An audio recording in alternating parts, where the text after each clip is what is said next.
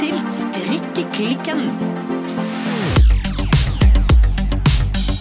Hallo, Silje. Hallo, Birte.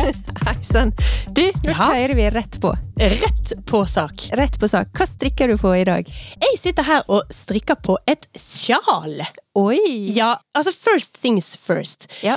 Min Louvre sweater nummer to, som egentlig også på et slags vis er nummer tre, for jeg strikket den jo først Ja. halvveis en gang, rekket opp alt, og så strikket jeg en gang til med litt tynnere pinne.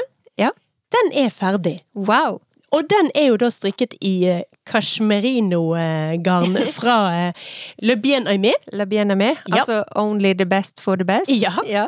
Men jeg satt igjen med nesten et helt hespe med garn Ja. eh, når jeg var ferdig med min, eh, å strikke min Louvre sweater. Og i de vær så betyr jo det nesten én ekstra genser. Nei, altså, det, det, det får være grenser. Men altså, jeg, jeg har sagt det før. Ja. Jeg forstår ikke dette garnet, for jeg strikker og strikker og strikker og strikker. Og det blir ikke mindre garn igjen. Nei. Jeg skjønner det ikke. Nei. Jeg skjønner ingenting. Jeg, jeg vet ikke om det er oppskriften eller pinnen eller hva det er. Men det blir plagg, men det blir ikke mindre garn igjen. Nei, det er jo ganske magisk. Ja. Og så hadde det jo sånn at når du først har en genser da i, eh, i håndfarget garn, så det er litt sånn spesielle farger, Ja. Så må man jo ha et sjal som passer til. Noe annet Ja. ville jo vært nærmest, nærmest vulgært, Ja, tenker jeg. Og spesielt denne høsten her. Ja. For da er jo du on trend. Og det, Det- er viktig for deg. Det, altså det er liksom det som på mange måter kjennetegner meg. Det er hvor trendy jeg er, det er, og hvor opptatt jeg er av trender. Ja. Spesielt det siste. Ja, ja, det, ja. Så ja, for å holde meg, for å være trendy, så trenger jeg altså da et sjal i akkurat samme farge. Ja. Så det strikker jeg på nå. Ja. Det har ikke så mye å fortelle om. Det er for så vidt en slags egenkomponert oppskrift, kan Ja. man kalle det. Eller så kan man kalle det en uh, helt omarbeidet versjon av Scarf number one fra My Favorite Favorite Snissner. Ja, ja. Jeg skjønte hva du mente. Ja. ja. Jeg er ikke sikker på om alle lytterne skjønte det. Nei, ok. My Favorite Things Need to Wear. Ja, så da er vi litt inne på, for det at når du sier egenkomponert, så er det litt sånn, ja, det sier jo meg ganske lite. Men fasong eller eh, Nei, altså den skal jo egentlig Jeg har strikket meg flere ut av de Scarf number one, og de har Ja. noe sånn rillemønster hvor du på hver tredje eller sjette pinne, kommer an på hvordan du teller det, om en pinne er frem og tilbake, eller om det bare er én vei. Ja. Da skal du inn med et hullmønster, Ja. og så lager du noen sånne riller. Ja. Det driter jeg i. Ja. Så jeg bare strikker rett, rett, rett, rett, men jeg strikker på den samme måten sånn at stripene går ut fra en V i midten. Ja, se der, ja. Ja, eller hvis du snur det opp ned, så blir det en pil oppover. Kom an på hvilken vei du holder arbeidet. Men så det er, skjerfet er en slags sånn eh, trekant eh, Ikke bare en slags, men på alle måter Ja. en trekantform. Ja. Ja. Eh, Så en slags fullstendig helt presis trekantform. Yes. Og med da en eh, At de går ut fra midten med striper som går nedover, og at det er hullgreier nedover på midten. Ja. Men dette må jo du ta bilde av og legge ut på et tidspunkt. Ja, but of course! Yes. But of course. Men Ja. jeg har en ting til å melde på strikkefronten. Ja. Jeg har gått på en eh, internettsmell. Oi, oi, garnsmell, garnsmell. Garnsmell pluss oppskriftsmell. Oi, oi, oi. Nei, altså, jeg har sett eh, flere oppskrifter i det siste med gensere som jeg har ønsket meg, som er stripete gensere. Ja. Jeg har hatt lyst på en eh, lys genser med mørke striper. Ja. Og så fant jeg en som i hvert fall på bildene ser helt perfekt ut. Mhm. Og det er sherry-genser med striper fra Sandnes Garn. Så Ja. den har jeg rett og slett eh, bestilt meg. Den kommer i Ikke den kommer i posten. Materialene pluss Ja. oppskriften kommer i posten. Og så Ja. må jeg vel gjøre jobben sjøl, skulle tru. Må vel det. Ja, så den har jeg bestilt i helt standardfargene. Gjorde ingen endringer på det, rett og slett. Mhm. Så den eh, strikkes i eh, Sunday og eh, mohair. Ja. Veldig vanlig kombo. Den er i lys Altså, det er en kombo av eh, Sunday Hit og eh, sånn superlys, litt pudderrosaaktig mohair. Eh, holdt sammen med veldig mørk, altså mørk gråblå og sammen med helt svart, svart mohair. Ja, men eh, klarer du å si noe om fasongen eh, på den? Ja, altså, den er Hva skal man Du som er bedre enn meg på å kalle ting til en spade for en spade. Jeg vil si at den er litt sånn A. A-formet, altså den går flatt utover, ikke noe Ja. innsving. Eh, Den går også utover på armene. Kalles det ikke da for Er det det som er trompetermer? Ja, altså det ser ut som den er litt sånn litt kort. Litt sånn trekvart arm-ish. Ja. Og ja, litt vid i armene. Ja. Ja. Altså, jeg vil jo si at snittet, men det kan være fordi jeg lures av si, både, det, både fargene og stripene. Men det er veldig sånn sailor-aktig genser. Ja da, det er jo en litt eh, sailor-aktig. Kanskje det er derfor den er litt kort eh, på armene. For Ja, for du skal kunne trekke opp tauet Ja. og dra garnet og eh, Du må ikke få liksom ermene dine satt til Du du vil ikke ha de ødelagt av torsk og sei og Nei. skrei og, Og og spesielt ikke når de er så vide, for det er jo ganske upraktisk. Ja. Ja. Men eh, ja, nei, men den ser jo kjempefin ut, og jeg er veldig spent på å se resultatet. ja, for det er også det andre tingen som er veldig viktig for meg. Nå har vi allerede sagt at det å være on trend er veldig viktig for meg. ja. Og det andre er det med praktisk. Det er de to tingene som, gjen, som kjennetegner meg. Praktisk jo- og trendy. Det går jo ofte hand i hand, så det er jo bra.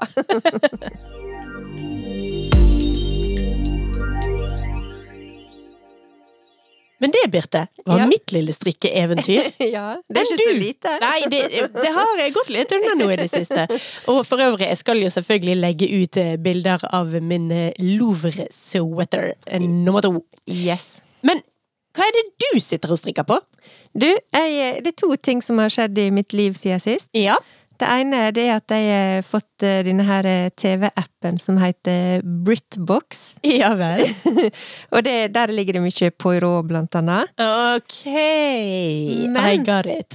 Så høsten er på en måte safe. Den er, den er sikra. Du er bare sånn let it rain, let it rain, let it rain. Og jeg, jeg liker veldig godt for eksempel Poirot. Det inspirerer meg til å strikke. Det er litt sånn stemningsskapende. Ja.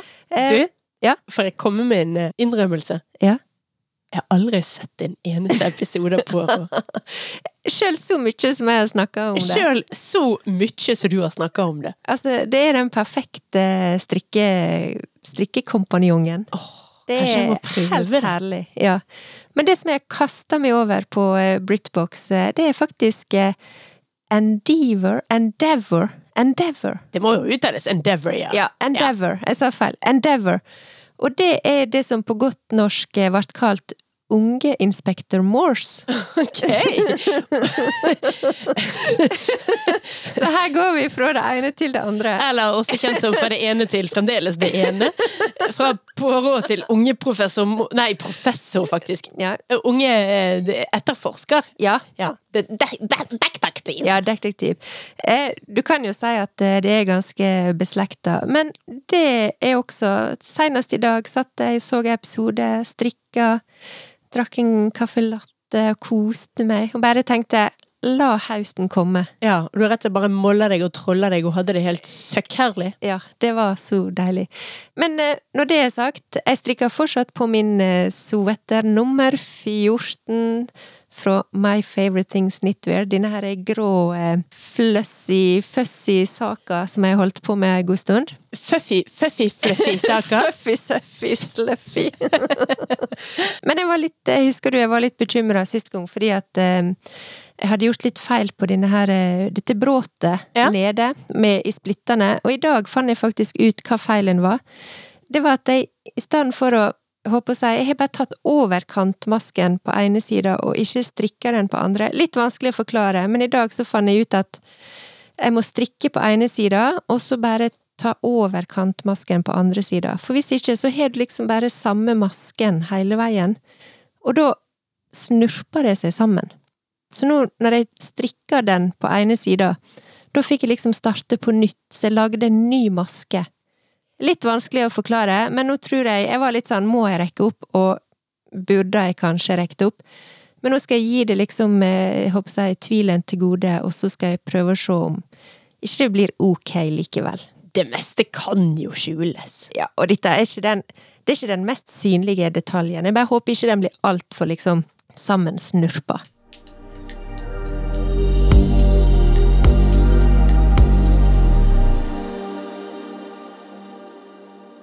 I dag så skal vi snakke om hekling. Yes! Så velkommen til eh, Hekleklikken.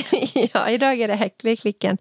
Altså, det er jo en stund siden vi snakka om hekling første gang her i podkasten. Ja. Og sånn sett så var jo det en naturlig utvikling fra denne her strikkeboomen som vi opplevde under eh, korona. Ja. For du kan jo si at strikking og hekling det henger jo ganske naturlig sammen. Oh, ja, det, det må vi kunne si. Ja. Det er litt sånn same same, but different. But different. Ja. Men det er ingen tvil om at eh, hekling er kommet sterkere og sterkere inn i trendbildet de siste åra. Mm. Og vi har jo snakka om for eksempel Ganni og Miu Miu, som var veldig tidlig ute med disse her fargerike og hekla toppene og bøttehattene som vi så Mm. på catwalken. Og så den siste tida så har jo disse her transparente, eller liksom denne her gjennomsiktige trenden vist seg både på plagg som bukser, kjoler, gensere. Mm. Og der vil jeg jo si at hekling er ganske sånn sentralt. Ja. For at hekling er jo, det er jo gjennomsiktig. Mm, Det kan være. Ja, gans, ganske. Det må ikke. Nei, men det er ganske sånn Det er jo hullmønster. Ikke nødvendigvis. Nei? Men det kommer vi til. Ja, det At uh, hekling kan ha hullmønster, eller det kan Ja. ikke ha det. Jeg i hvert fall kobler litt den transparente trenden på hekling, da. Mm. Men så har jeg også lyst til å skylde litt på Y2K, Ja. selvfølgelig. Eller som en eh, god eh, podkastvenninne meg klarer, det- klarer å kalle det alltid, K2Y, Ja. Men ja, denne her er år 2000-trenden som nå eh, skyller over oss. Ja, altså, vi kommer liksom ikke forbi den, eh, virker det som. Og la meg gå litt tilbake igjen, fordi at på 90-tallet så var det en veldig sånn sterk retrotrend som Mm. handla om 70-tallet. Ja. Det var slengbukser, rusjebluser, platåsko. Og, og vi var der. Og vi var der, og så var det ganske mye hekla ting Mm. også, sånn som topper og gensere, bøttehatt. Og det med hekling, det, det er jo litt den her hippie, på en måte looken eller stilen eller Ja, det kan ha det. Ja. Jeg, jeg, jeg føler at hver gang vi påstår noe hardnakket om hekling, så må jeg si ja, sånn Ja. kan det være. Men den, den er i hvert fall Altså, det hekleuttrykket var- sto jo sterkt eh, på 70-tallet. Mm. Eh, og derfor så var det også en greie på, på 90-tallet. Og hvis vi skal være litt streng, så har jo ikke nødvendigvis 90-tallet sånn veldig mye med Y2K å gjøre, men Y2K-trenden, den er jo en slags blanding av 90-tallet og denne her litt sånn halvfuturistiske, litt sånn plastic fantastic med paljetter og hair extensions, magetopper, alt dette der. Mm. Og nå er litt sånn, det kan bli litt komplisert, men jeg føler at denne her 90-talls-inspirasjonen som du kunne se i Y2K, rent estetisk så var den ganske sånn 70-talls. Mm. Og derfor så var det også en del hekleplagg i Y2K. Mm. Og derfor så knagga jeg også da denne her hekletrenden som vi ser nå, også til Y2K-trenden som vi ser.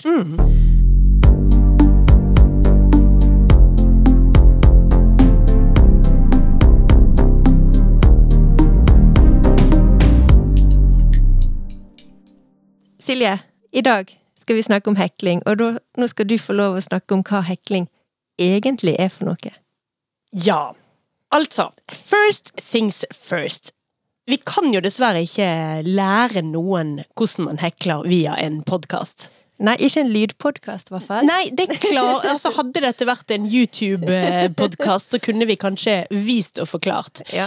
Men man må se hva man mener når man skal lære seg en håndarbeidsteknikk. Det mener i hvert fall jeg er hardnakka. Ja. Så derfor så kommer vi til å legge ut eh, flere lenker på vår eh, Facebook-side. Det er det vi mener er noen gode sånne videotutorials om hvordan man kan lære seg å hekle. Men så skal vi i dag heller snakke om hvordan vi kan informere og inspirere om hekling som teknikk, og litt grann historisk og litt sånn. Ja. Vi kommer jo fra det fra litt sånn forskjellige eh, sider. Jeg har heklet en god del. Ja. Jeg har heklet eh, både ting alene, og eh, jeg bruker ofte hekling som en del av strikkearbeidet. Du har ikke heklet. Nei, jeg hadde en liten sånn eh, tutorial med hun kjære mor i fjor sommer, tror jeg. Ja. Har ikke tatt opp eh, heklepinnen etter det, altså. Nei, nei, altså, jeg er veldig glad i å hekle. Men altså, hekling. I likhet med strikking så er jo det en teknikk som man bruker for å fremstille tekstiler av garn. Det er jo så enkelt som det. Felles for alle heklete tekstiler, det er at de består av enkeltmasker som festes i tidligere masker. Altså ikke sånn som med strikking, hvor du har en rad med masker på strikkepinnene dine. Altså liksom den siste masken som du har da, den er alltid åpen. Den må da festes for at ikke arbeidet skal rekke opp. Du kan liksom, Hvis ikke du fester den, så kan du dra ut tråden og hekle opp, nei, rakke, rekke opp hele heklearbeidet ditt. Ja. Så den siste masken, den må altså festes, eller så er det den som eh, starter Altså lager utgangspunkt for den videre heklingen, som du da liksom fester neste maske i. Og disse her radene som kommer bortover av sammenheklete masker, det er det som er karakteristisk for heklete tekstiler. Med stadig bare én uferdig maske som eh, utgangspunkt, så er heklingen veldig fleksibel teknikk. Du kan se hele arbeidet hele tiden, og dermed prøve for eksempel et plagg på deg på en helt annen måte enn du kan gjøre med en strikkegenser som jo er låst til strikkepinne eller rundpinne eller hva du holder på med. Du kan hele tiden skifte retning, du kan skifte antall masker, du kan variere mellom ulike masketyper. Dette med masketyper kommer jeg tilbake til, altså. Du kan hekle fram og tilbake. Du kan hekle rundt, du kan hekle firkantet, du kan hekle tredimensjonalt. Yeah. Det er lite grann, du kan nesten se for deg at å hekle tredimensjonalt det er litt på samme måte som en sånn 3D-printer. Går rundt og rundt i en sirkel, eller hvilken form man noen en skal gjøre. Men iallfall lag på lag på lag. Og på den måten så kan du bygge opp eh, nesten en hvilken som helst form. Eller kanskje til og med 100% hvilken som helst form.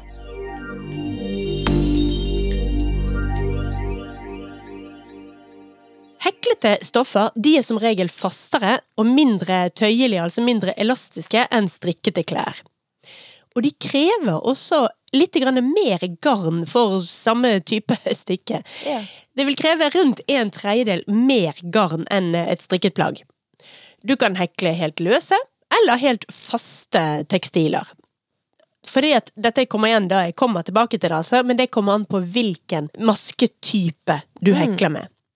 Du kan hekle med sytråd og hår og utrolig tynne materialer, eller du kan bruke helt bananas stive materialer som metall eller whatever, hva som enn som er skikkelig hardt.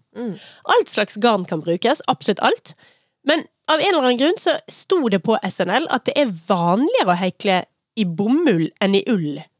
Sammenlignet med hvor ofte, altså hva man stort sett eh, bruker når man strikker, da. Ja, for at, eh, når jeg tenker på hekling, så tenker jeg automatisk på bomull, og jeg tenker på, ja, som du hørte innledningsvis, litt sånn lette hålmønstra plagg, eh, kanskje litt sånn sommerslig eh, plagg. Jeg veit ikke helt hvorfor. Er, er liksom bomull det beste garnet? Har ikke fjerneste idé, jeg har aldri heklet med bomull. Det har aldri falt meg inn å hekle med bomull. Nei. Jeg har aldri heklet med noen ting annet enn ull. Så når jeg Ja. leste dette på snl.no, for øvrig en artikkel skrevet av vår eh, gode gamle mentor Ingunn Grimstad Klapp, Ja. så ble jeg litt sånn jøss. Yes. Folk liker å hekle med bomull. For jeg var litt motsatt på det. Jeg tenkte bomull med en gang. Ja, Nei, det Hm! Hmm. Er alt jeg har å si til det. Ja. Hm, it's a mystery. ja. Ring Poirot.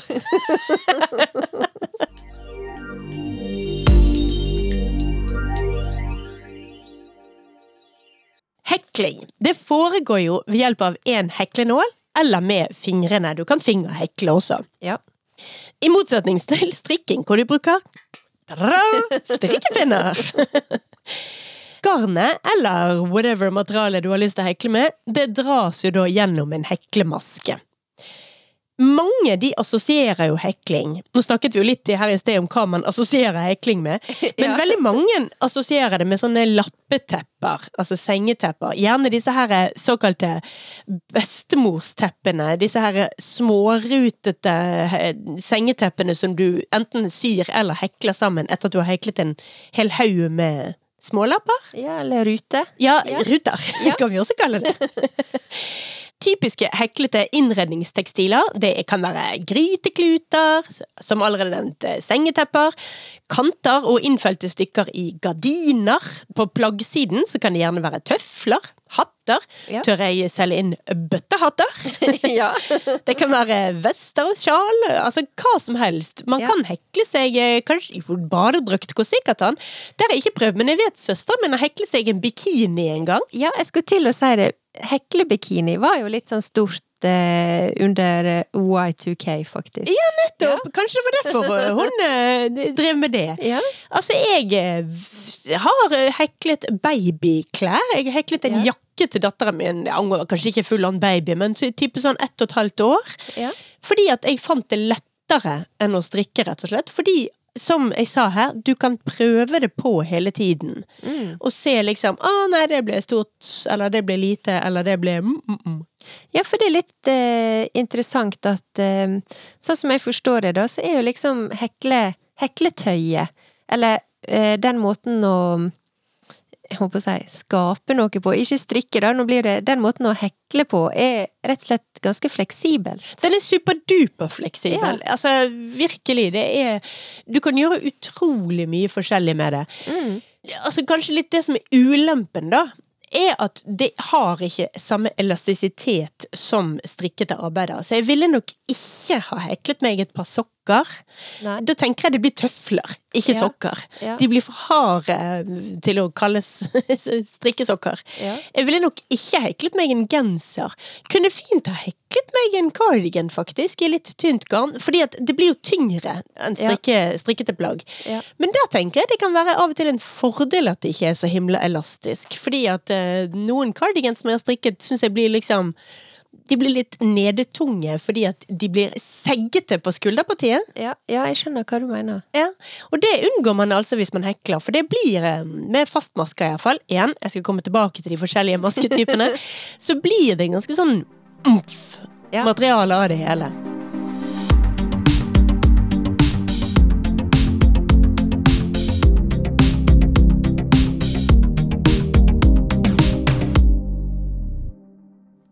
Annen ting som er unikt for hekling, eh, altså som er spesielt med hekling framfor strikking, det er at i motsetning til strikking, så eh, kan omtrent ikke hekling mekaniseres. Og derfor så har det altså forblitt et håndverk og ikke en tekstilindustri på den måten som eh, strikking jo ble absolutt tekstilindustri i Norge. Ja, og dette, dette har jeg lurt litt på, for at dette har jo vi forstått at um, at hekling, det har ikke en klart å mekanisere, fordi Nei. at det er Jeg leste en plass at bevegelsene som du bruker når du hekler, de er så intrikate at det er liksom ingen som har klart å lage en maskin som kan på en måte kopiere eller etterligne det du gjør når, når du hekler. Men så la jeg også at det er noe som heter heklemaskin, men det gjør egentlig ikke det samme som en gjør når en hekler. Så der finnes det på en måte maskiner som kan lage sånne her tettsømmer, som er ei etterligning av hekling. Men hvis du ser nærere på det, så mener da de som er liksom røynde og, og proffe på hekling, at det er likevel veldig lett å se at det er egentlig ikke hekling. Ja, men så føler jeg jo at jeg må skyte inn for folk som ikke kan hekle, at for alt i verden, hekling er kjempelett. Det er Ja. mye lettere enn å strikke. Ja. Sånn at når da man snakker om at den bevegelsen er så kompleks, så er det fordi at Da snakker du vel om at det er bitte grann pirkete og pitlete, og at du må ha det i hendene og øynene og um, Altså For min del så må jeg jo også si at hvis maskiner virkelig ikke klarer dette, så syns jeg egentlig de er litt dumme, og det er egentlig det som er litt problemet. Men når det er sagt, så um Ja. De har i hvert fall ikke fått det til med ren mekanisering.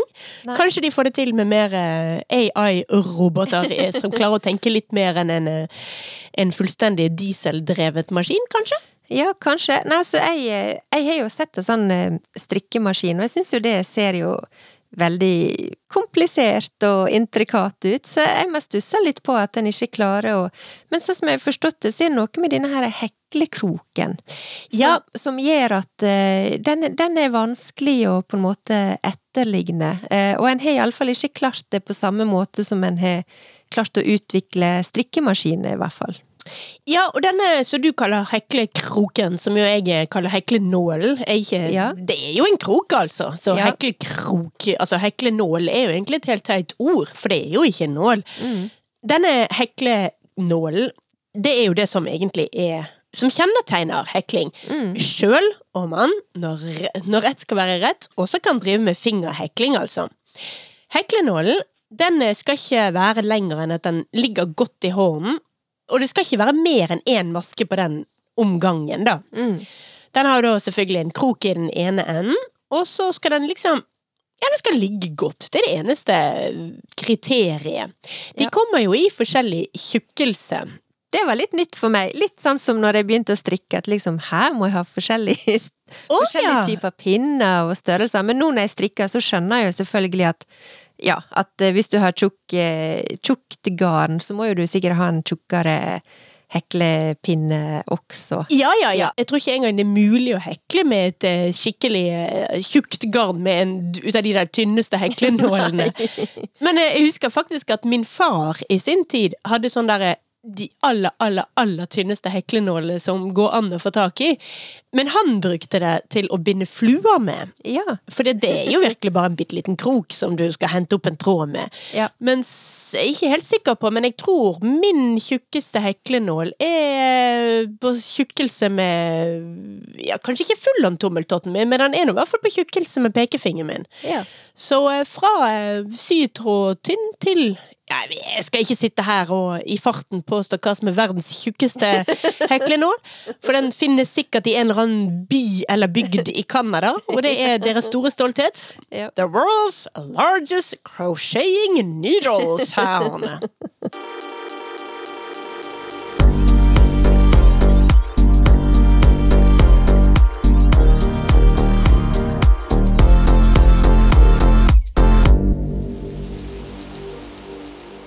Vi må snakke om de forskjellige typer heklemaskene. ja. Som nybegynner så kan det jo være veldig forvirrende å, eh, å vite hva Altså, når du snakker om strikking, så snakker man stort sett om to typer strikketing. To typer masker man må kunne. Ja. Rett og vrang. Ja. Da kommer du langt. Når man skal hekle, så kan man fint lære seg bare én, og så kommer man veldig langt med det. Men de er veldig forskjellige, de forskjellige typer heklemaskene. Mm. Det er fem grunnleggende masker som det kan være greit å kjenne til. Det ene, det er luftmasker. Det er kjeder med helt enkle masker.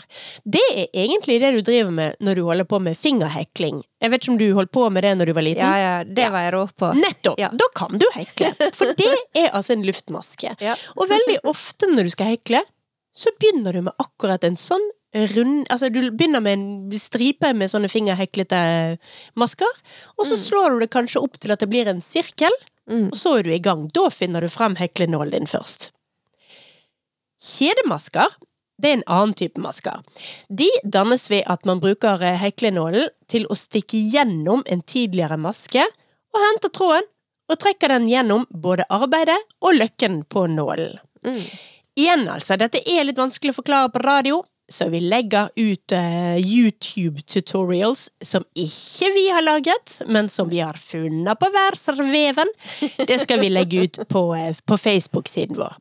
Den tredje type masker som eh, man bruker ofte i hekling, det er vel egentlig Jeg tror jeg må faktisk definere det som min personlige favoritt. Å ja. Og det er fastmasker. Fastmasker det danner man ved å stikke heklenålen gjennom en tidligere maske, hente tråden, trekke gjennom arbeidet, og så henter du tråden en gang til gjennom. Så det er veldig likt som kjedemaske, men du trekker den en dobbel gang gjennom. Ja. Og fordelen med dette er at du får et arbeid som er sinnssykt fleksibelt. Fordi at hvis du har lyst til å utvide og gjøre det større der, så bare blir du stående på samme maske og stikke om igjen og om igjen og om igjen og om igjen på det samme hullet. Mm. Og da bare Altså, da har du istedenfor Altså, da gang, dobler du det jo for hver gang på samme sted. Og hvis du vil stramme inn arbeidet, så hopper du bare over et hull, eller flere. Og så da snurper du det inn. Så du kan virkelig hekle hvilken som helst form på en veldig enkel måte når du hekler med fastmasker.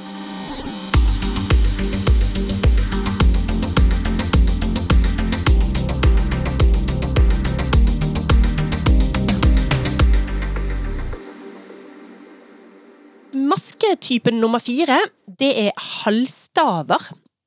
I motsetning til fastmasker, så lager du da noen slags striper av garn. Både halvstaver og fullåndstaver, som er type fire. De heter bare staver, altså. De heter ikke fullåndstaver. Men både halvstaver og staver, det er den type heklemasker man bruker veldig ofte i disse her bestemorsteppene bestemorsteppene som vi snakket om. Ja.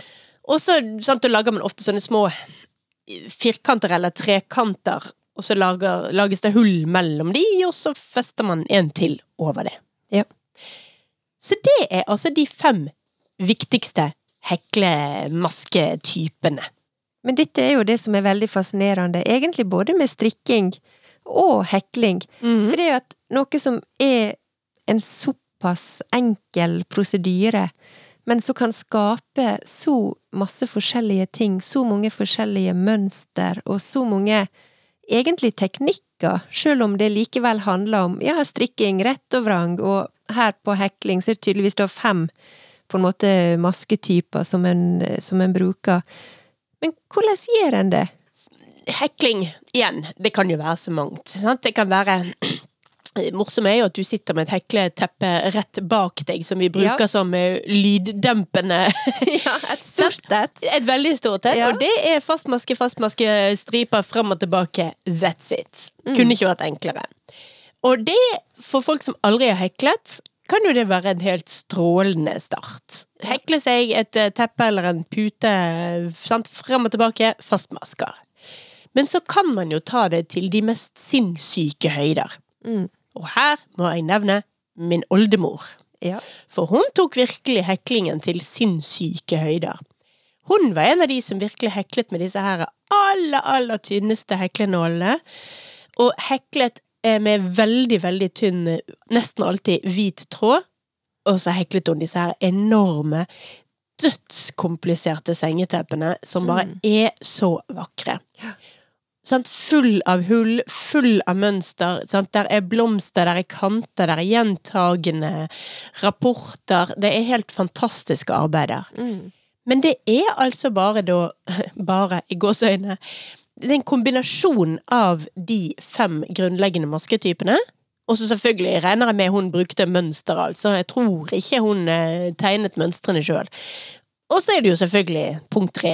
To tonn med tålmodighet og veldig mange arbeidstimer. Ja.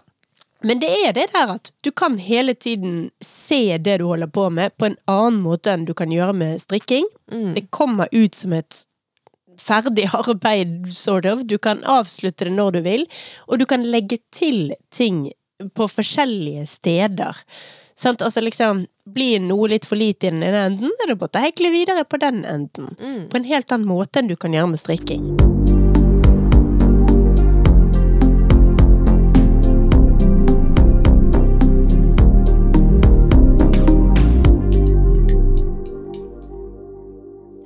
Dette litt sånn crash course i hekling. Ja. Og vi har jo hatt eh, Hvor mange episoder er vi på nå? 52 368, eller noe sånt? ja, du spør. Jeg veit at vi runda 100 for noe siden, ellers er jeg kommet ut av tellinga. Ja, jeg tror vi er på dette episode 108, eller noe i den duren der. Ja. Men uansett. Vi har jo snakket opp veldig, veldig, veldig mange elementer av strikking i veldig mange episoder. Mm. Mens hekling da altså bare får komme inn av og til. Ja. Men i denne her litt eh, sjeldne delikatessen av en episode om hekling, så må vi også komme inn på det historiske. Ja. Så heklingens historie på ett minutt eller mindre. ja. Go for it. altså, som alle andre masketeknikker, så er også denne historien altfor lite utforsket, og man kan altfor lite om det. Her trengs det mer forskning. Helt sikkert så er det at eh, teknikken den eh, er kjent i Europa fra tidlig 1800-tall. Oi, ikke før? Nei! Altså, det er denne her nålebindingen de holdt Ja. på med. Hva, våre formødre, og sikkert litt forfedre, de vevde, vevde, vevde, og drev med litt nålebinding. Ja. Og så tydeligvis tidligere enn eh, hekling, så begynte de med strikking. Og så skikkelig, skikkelig sakte og seint så kom de, kom de på at de kunne hekle også. Og vi vet faktisk ikke sikkert verken når, hvor eller hvorfor teknikken ble utviklet. Men det er to tråder som er litt viktige når vi kommer til heklingen sin historie. Det ene den springer ut fra overklassen. Da snakker vi om finere former for håndarbeid på midten av 1800-tallet. Og da snakker vi om her, denne type heklehistorie med blonder og dekorasjoner. Ja. Sånn at man kan se for seg disse her små brikkene, eller den gleden de hadde ved å legge sånne små kluter oppå stoler og sofaer og sånn. Litt Ja, sånn ja. Dekorasjon. Dekorasjon. Hadde du en flate, så la du vel en liten brikke på den. Det andre tråden i heklingens historie, det er en mer sånn folkelig tekstilhistorie, hvor man da har heklet kraftigere materialer og eh, brukstekstiler. Altså sånn viktige, litt sånn sturdy materialer. Mm. Det finnes mest kunnskap om eh, denne her finere hånd, håndarbeidstradisjonen i hekling. Og da snakker vi særlig om andre halvdel av 1800-tallet. Mm. Akkurat navnet hekling, den kommer fra fransk. Jeg skal ikke påstå at jeg vet hva det heter på fransk, men det står på SNL, Store norske leksikon, at ordet hekling kommer fra fransk. Og dermed så er det en teori at teknikken kommer fra Frankrike, og at det der ble utviklet fra tamburbroderi. Som jeg ikke vet hva er. Nei, for det var litt sånn hm, hva er det? Ja. Jeg vet okay. hva tambur er, og jeg vet hva broderi er, men jeg vet ikke hva som skjer når du slår sammen de to ordene til ett ord og får tamburbroderi. Men det skal vi eh, komme tilbake til i episode 648 av Strikkeklikken. Da skal vi ha en full episode om tamburbroderi.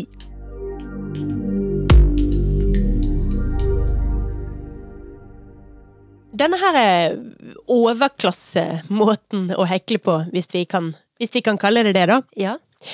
Den ble brukt som en sånn enklere måte å kopiere mer avanserte håndverksteknikker som kniplinger og sånne type litt sånn Du vet de der sinnssykt fine og kompliserte måtene å lage jåletekstiler på? ja. Brodering og sånn. Ja, men de, brodering har jo ikke den type hull. Nei. Mens hekling var jo da altså mer enklere enn dette. Men så kompliserte mønstre som de brukte, så var det jo fremdeles kompliserte ting, altså. Denne måten å hekle flotte, nydelige tekstiler på, det fikk stor utbredelse i borgerlige kretser, og det nådde liksom et høydepunkt på begynnelsen av 1900-tallet. Så eh, jeg vil jo da slå et slag igjen for at oldemoren min var kanskje litt grann seint ute, for hun eh, er nå født litt seinere enn eh, 1900-tallet. Men hun drev med den veldig fine måten å hekle på, altså, og heklet disse her, eh, ja, brikkene og teppene. I Italia så utviklet nonner i siste halvdel av 1800-tallet en måte å hekle på med vanvittig tynne stålnåler og tråd av enten bomull eller lin, og de laget også sånne blondelignende arbeider som de brukte på kirketekstiler. Ja.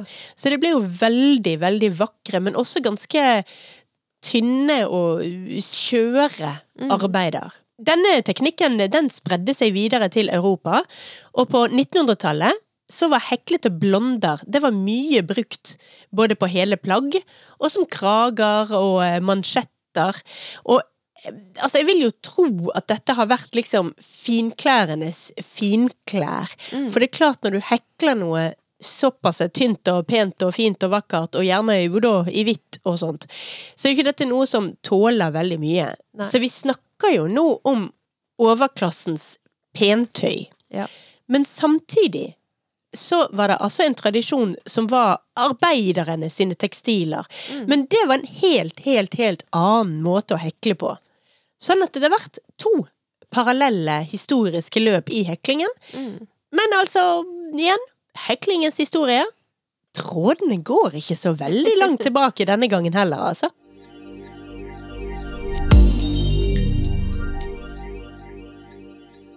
Men når vi snakker nå om hekling, så kom jeg på én ting, og jeg tror kanskje jeg har nevnt det før for lenge, lenge siden i en av disse her 1800 episodene som vi har spilt inn. Men jeg lurer på på 70-tallet, men kanskje tidligere, så var det ganske mange sånne hekla sengeteppe i sving, i hvitt. Husker du det? Ja, i aller høyeste grad. Og Men jeg syns det er rart sånne- at du forbinder det med 70-tallet. Nei, jeg veit ikke hvorfor. Jeg husker bare at, uh, at det ble liksom brukt, og så en eller annen gang utover 80-tallet, så liksom hadde jeg veldig inntrykk av at dette var sengeteppet som var hekla for ei stund siden, og så ble det liksom brukt liksom mindre og mindre utover kanskje 80-tallet, men jeg husker vi hadde liksom nesten sånn bunker med sånne hekla sengetepper hjemme og rundt omkring. Ja. ja, for vi i min familie har dessverre ikke bunker, men vi har noen få. Men det er sånne høyt skattete arveklenodier. Ja. Personlig syns jeg det er veldig fint når man har et ensfarget laken liggende under, da. Sånn at du ikke har liksom spraglete sengetøy du ser gjennom.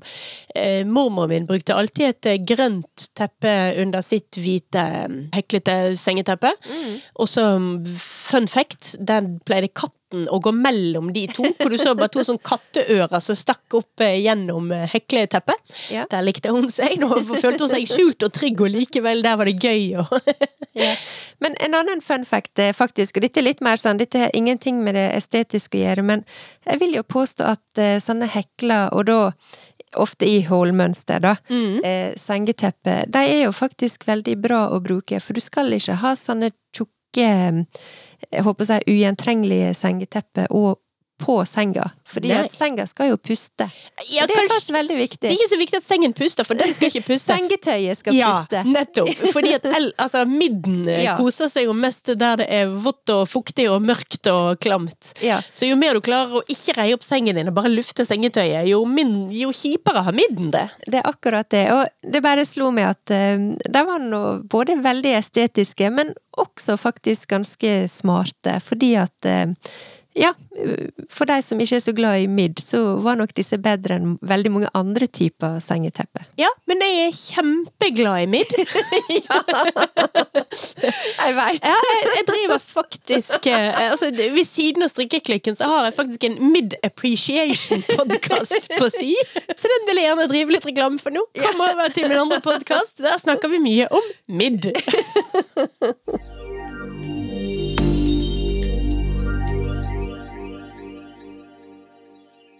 Så, for å oppsummere bitte lite grann. Ja. Midd er bra. Nei, nei, nei, det ble feil.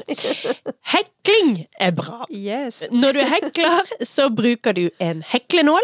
Ja. Du eh, hekler hele tiden med én maske. Hekling det utføres for hånd, ikke på maskin, i motsetning til eh, strikking, som jo ofte gjøres på strikkemaskin, og derfor har blitt en eh, tekstilindustrihistorie som hekling ikke har hatt i det hele tatt. Ja. Det finnes fem typer eh, grunnleggende hekleteknikker man godt kan lære seg. Ja. Og hvis du skal lage intrikate mønstre, så eh, kombinerer du veldig ofte sånne forskjellige ting. Men du kommer veldig langt med Siljes favoritt, nemlig fastmaskene, og eh, forskjellige typer farget garn. Ja. da kan du komme langt. Heklingens historie er superkort og veldig ukjent. Vi vet sinnssykt lite, men vi tror den kommer fra ca. 1800-tallet. Mm. Og vi kan dele den litt i to. Noen drev med overklasse finhekling, og noen drev med folkelig grov hekling. Ja. Jeg tror det var sånn ekstremt kort omhekling. Ja. Og så må vi jo snakke litt om forskjellige hekleoppskrifter for helt nybegynnere. Ja, for det som, eh, som jeg var inne på innledningsvis, altså det er jo ikke tilfeldig at vi snakker om hekling nå. Nei. Og det er jo fordi at eh, en ser stadig mer og mer hekling eh, rundt omkring. Ja, og det er derfor jeg vil snakke om hekling, fordi Ja. det blir trendy. For det, Ja. det, før det ble trendy, så likte jeg ikke hekling, men nå så liker jeg det. Det er akkurat sånn det er. Og I hvert fall eh, en av mine favorittstrikkedesignere. My Favorite Things Knitwear. Ja, eller som vi pleier å kalle det her, Birtes Favorite Things Knitwear. Yes. Hun har eh, akkurat, faktisk sånn veldig nylig, lansert eh, ei oppskrift som heter Blaus nummer to. Uh. Eh, og det er en eh, heklegenser, Uh. faktisk, med hålmønster og sånn båtskjæring i halsen. Oi, denne høres ut som den er noe for meg, for jeg er jo veldig glad i, eh, veldig glad i hekling, og veldig glad i båtutskjæring. Ja, og denne er veldig, eh, veldig fin, altså. Veldig fersk eh, fra My Favorite Things Knitwear. Ja. Den skal hekles i petunia fra Rauma. Ja, det er jo kjempedeilig garn. Ja, eller du kan også velge cotton wool fra gepard. Gepard. Nei, da foretrekker jeg good old fashion norske rauma. Eller eh, hvor er egentlig gepard fra? Jeg lurer på om det er dansk, faktisk. Gepard? Høres ikke så dansk ut, men jeg tror det. Jeg veit ikke. Men den er i hvert fall kjempefin. Ganske sånn enkel og delikat. Mm. Og så er det også We Are Knitters. De har nettopp lansert ei gratisoppskrift på en sånn herre liten sånn, ikke bøttehatt, men mer en sånn hatt på toppen av eh, hodet. Eh, De kaller den Mykonos Mesh Crochet Cap. Ooh. Og det er skikkelig sånn eh, Y2K-alarm Åh, på ja, dette høres ikke ut som noe for meg. Snakker vi sånn Det ser nesten ut som en sånn oversized jødisk kalott. Ja, det er som en slags ja, liten sånn brodert, eller hekla kalott på toppen. Eh, og disse så jo vi mye av på tidlig 2000-talls. Men, Ja. Men jeg tenkte jeg skulle ta det med for å vise litt sånn bredda i, i Ja, alle skal med. Ja. Eh, men eh, men, men kan, kan vi anbefale det til de som liker den slags, og så kan vi si vær så god, you run with this, not we?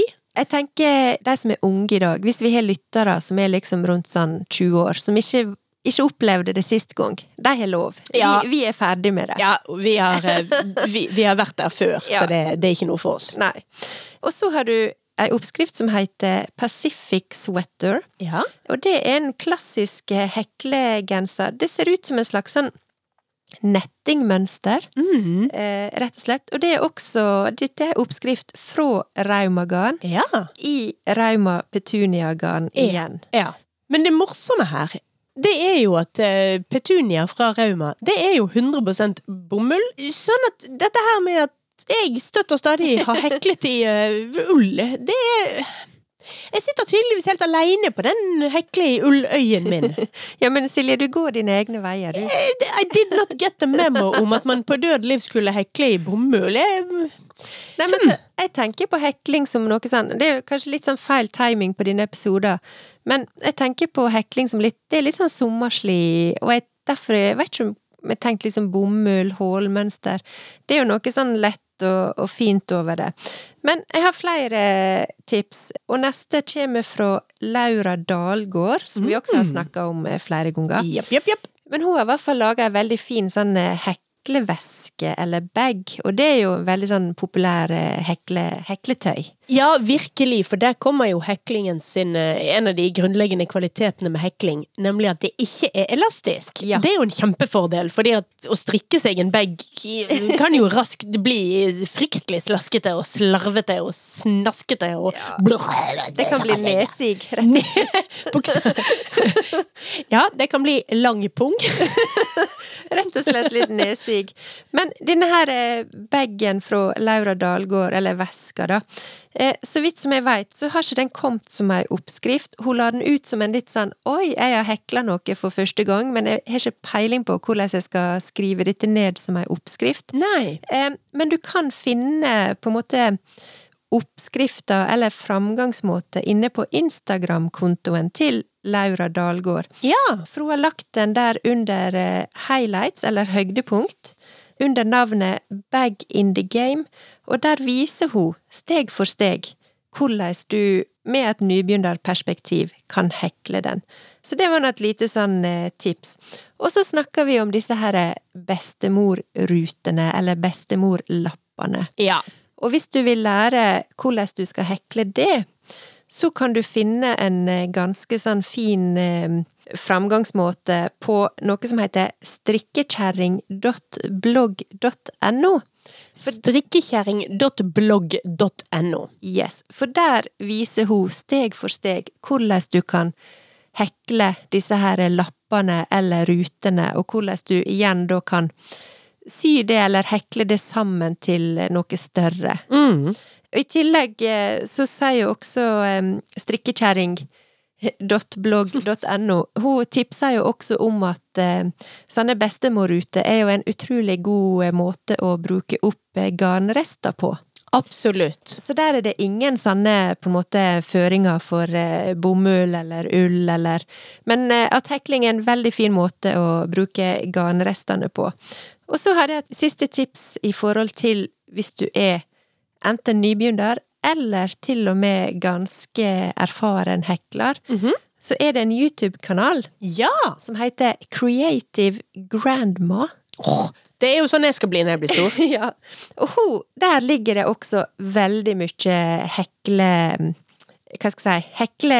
Hekleting. Hekleting. Både Ja. inspirasjonsvideoer og tutorials, altså læringsvideoer, Yes. og så videre. For som vi sa, vi kan dessverre ikke lære det vekk via bare lyd. Det, man må se det, og gjerne sitte samtidig og se, samtidig som man sitter med sin egen heklenål og prøver. Ja. Creative Grandma hun er jo da veldig aktiv på um, YouTube. Der finnes det også en Facebook-konto. hun er på Ravelry. Men der er det også Der er liksom fra liksom det første liksom nybegynner, nybegynner, til også mer avanserte både oppskrifter og teknikker som du kan se og lære og bli inspirert av. Det var altså Creative Grandma.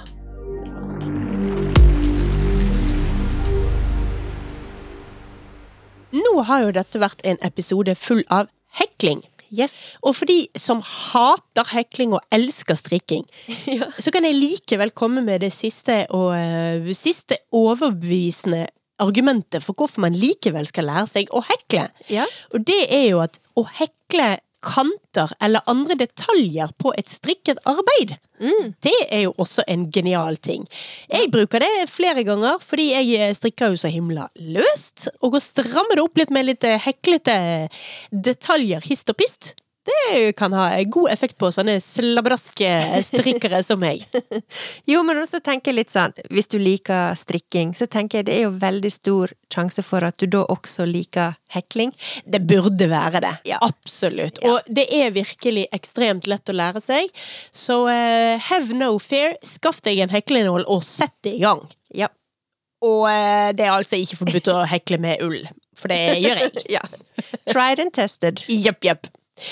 Men med de kloke ordene, Birte, Ja. så må vi rett og slett eh, si, legge på. Nå må vi gi oss for i dag. Ja, det må vi. Eh, Jeg må jo bare få si tusen takk for din eh, innføringer i eh, hekle, hekleteknikker, heklemasker og litt eh, historie. Det er ikke de skyld at det er lite heklehistorie å finne. Nei, det er ikke noe annet å si enn at eh, for de av lytterne våre som sitter der ute og lurer på hva de skal studere og hva de skal fordype seg i, vel, det trengs Ja. mer forskning på eh, heklingens eh, historie, altså. Godt tips. Og med de kloke ordene gjenstår det faktisk bare å si vi høres igjen om to uker. Ha det på badet! Ha det bra.